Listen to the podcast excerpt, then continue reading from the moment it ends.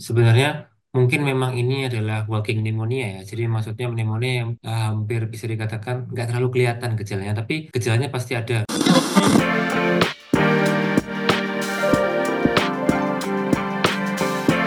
Hai sahabat TCID, kalian sedang mendengarkan podcast Suara Akademia.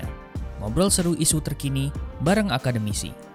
Belum lama pandemi COVID-19 uh, bisa dibilang dalam situasi yang aman, publik dibikin geger lagi nih Sobat TCID. Muncul sebuah pneumonia di China yang penyebarannya sangat cepat gitu.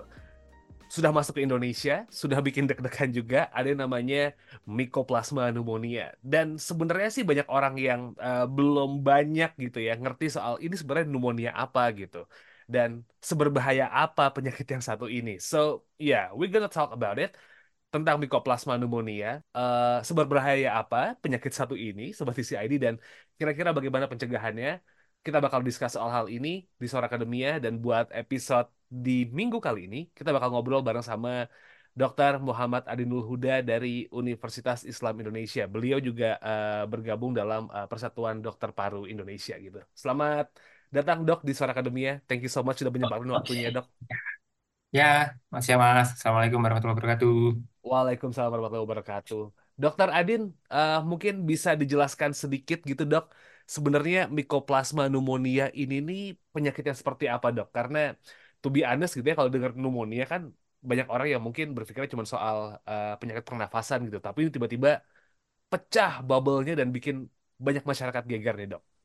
Ya, sebenarnya ini ya sebelumnya saya buka dulu ya. Jadi eh, kita kalau ngomongin kasus pneumonia ya, itu sebenarnya kebayang-bayang banget kasus pneumonia dalam tiga tahun terakhir ya, tahun Betul. 2020 itu mulai naik banget gara-gara si COVID itu yang baru itu ya. Mhm. Dan kok kebetulan yang sekarang ini kok Cina lagi gitu ya. Makanya Mhm. kita jadi eh, berdebar-debar. Tapi sebenarnya kalau memang eh, kemarin sudah tuh dari WHO sudah keluar apa statement ya di akhir November kemarin sudah menyampaikan eh, bagaimana sih gambaran kasusnya di Cina itu. Jadi eh, bahkan WHO sudah bikin apa namanya kayak time- timeline gitu ya. Mhm. Dari pertengahan Oktober ada apa, lalu sebenarnya udah mulai ada laporan tuh kok ada peningkatan sakit pernafasan nih di Cina. Oh Mhm. itu. Terus ditelusur sama WHO 13 November, 23 November ditelusur, lalu dilakukan semacam kayak apa ya? Kayak pelaporan gitu sama hearing gitu sama mereka. Ternyata eh, memang eh, meningkat, terutama pada anak-anak. Jadi kasus infeksi pernafasan mereka. Ya. Lalu mulai ada penelusuran lagi, oh ini diduga karena eh, Mycoplasma pneumonia. Jadi kalau misalnya untuk COVID itu kemarin virus, kalau ini tuh lebih ke bakteri. Dan kalau yang waktu dulu itu nggak lihat umur ya, ini dominannya ke anak-anak. Ternyata setelah dilihat lagi, selain itu juga waktunya nih. Waktunya tuh ternyata masuk musim dingin, jadi mulai ada perubahan cuaca. Ya mungkin mirip-mirip kayak sekarang ya, kalau kita udah mulai musim hujan ini ya.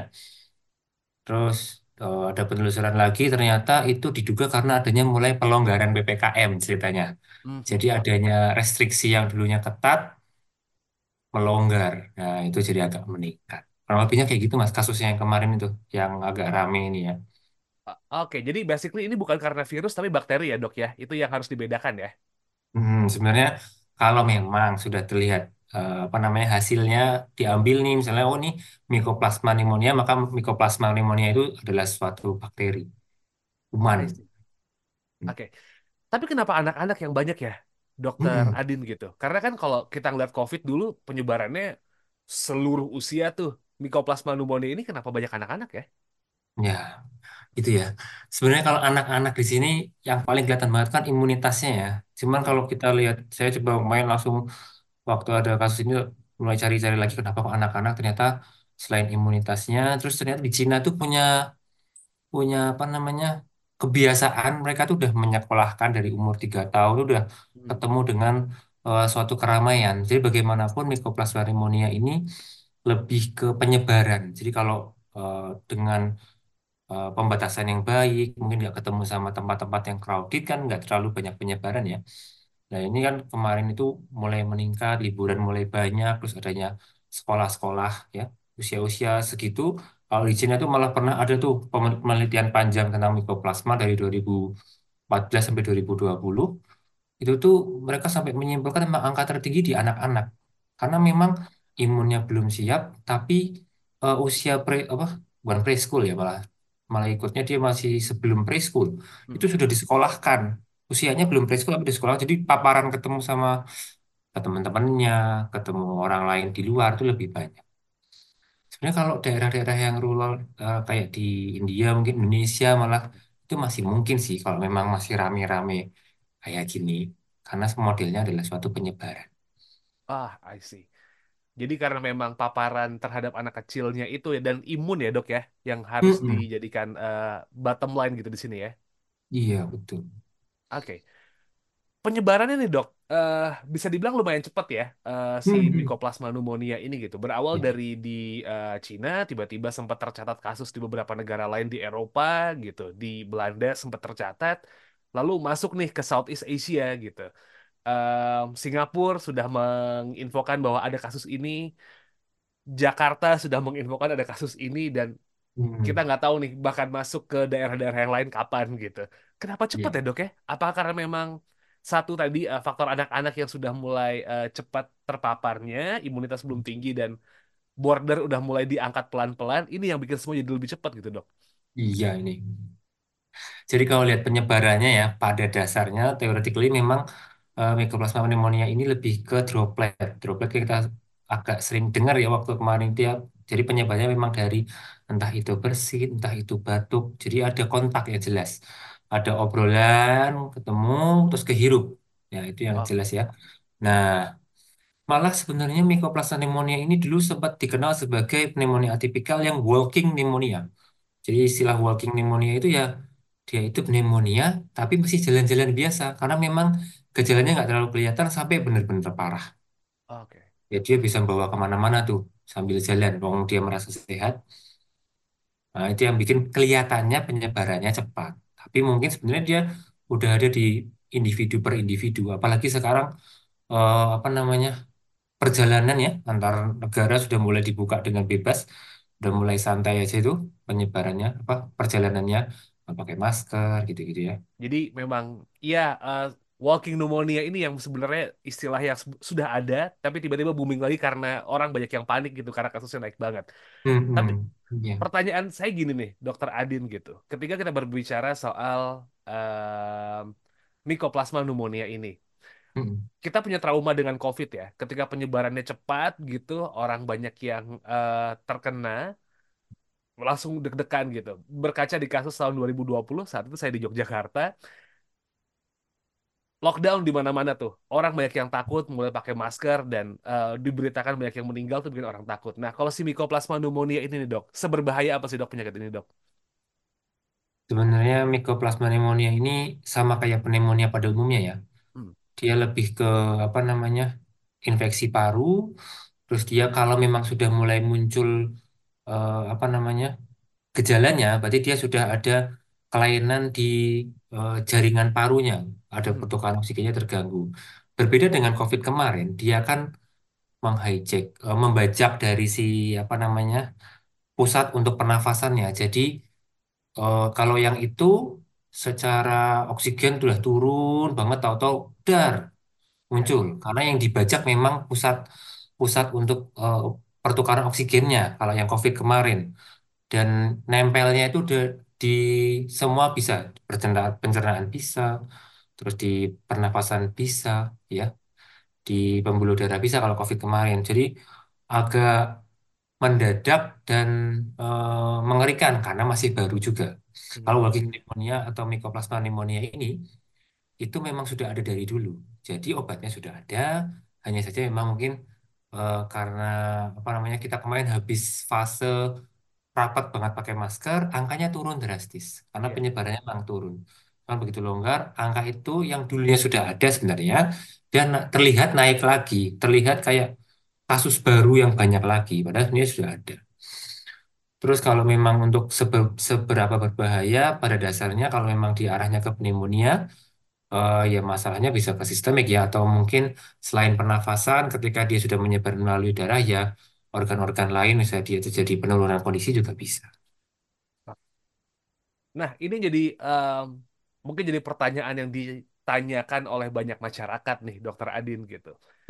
Eh, kasus Mycoplasma pneumonia naik gitu ya. COVID juga naik nih. Orang banyak Ya. yang deg-degan gitu. Ini eh kalau kita ngelihat ketika mikoplasma naik, pemberitaan soal COVID puluhan persen gitu. DKI naik, Hmm. Em, China naik, Singapura naik gitu dok. Dan orang sudah mulai mempertimbang, bukan mempertimbangkan, kayaknya udah mulai melakukan langkah preventif lagi gitu dok. What should we do nih dengan kasus eh, Mycoplasma pneumonia yang sebenarnya dari dulu sudah ada makin tinggi gitu ya. COVID tiba-tiba bangkit dalam tanda petik lagi nih dok. Apa Hmm. yang harus kita lakuin nih? Ya, sebenarnya dari Perhimpunan Dokter Paru Indonesia ini sudah pernah meriliskan ya bekerja sama dengan Kemenkes, meriliskan eh, harusnya gimana sih rekomendasi dari PDP itu sudah muncul harusnya bagaimana nih untuk kondisi seperti ini ya itu yang jelas mempertahankan PHBS perilaku hidup bersih dan sehat Mhm. cuci tangan karena bagaimanapun dia penyebarannya mungkin dari droplet droplet yang jatuh mungkin ke gagang pintu atau mungkin ke tempat-tempat yang mungkin kita pegang-pegang sembarangan itu bisa tereliminasi dengan kita rajin cuci tangan. Terus memakai masker, karena memang penyebarannya kan eh, airborne ya, dro- droplet ya. Jadi eh, apa namanya dari batuk, dari bersin, dari ngomong.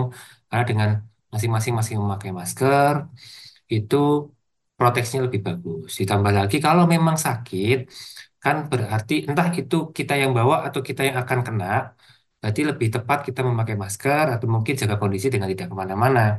Karena bagaimanapun saat kita sakit, imun kita sedang rendah. Kalau misalnya ketemu orang yang memang eh, pneumonia, yang dia walking pneumonia misalnya, dia nggak muncul gejala tapi dia bawa, kita imunnya lagi rendah, kita bisa kena. Atau mungkin malah kita yang bawa bisa ke mana-mana. Terus kalau memang tumbang tindih sama COVID-nya nih, COVID-nya kan kemarin ternyata eh, karena kasusnya sempat turun, jadi longgar juga sama, terus mungkin vaksin, vaksin COVID kemarin bagaimana? Meskipun mungkin proteksi eh, vaksin kan sudah terjadi ya kemarin ya, nah, tapi kan ini varian baru atau enggak itu masih dalam penelitian, jadi masih belum bisa tersampaikan sekarang. Tetapi yang jelas kasusnya karena sama-sama penularan, sama-sama musim kayak gini imunnya lagi turun, bisa naik bersamaan. Itu sangat mungkin ya. Kita cuma bisa sama-sama jaga jarak mungkin, memakai masker, HBS diperkuat lagi. Kalau memang sakit, eh, ada keluhan yang memang menonjol ya segera periksa ke rumah sakit. Oke.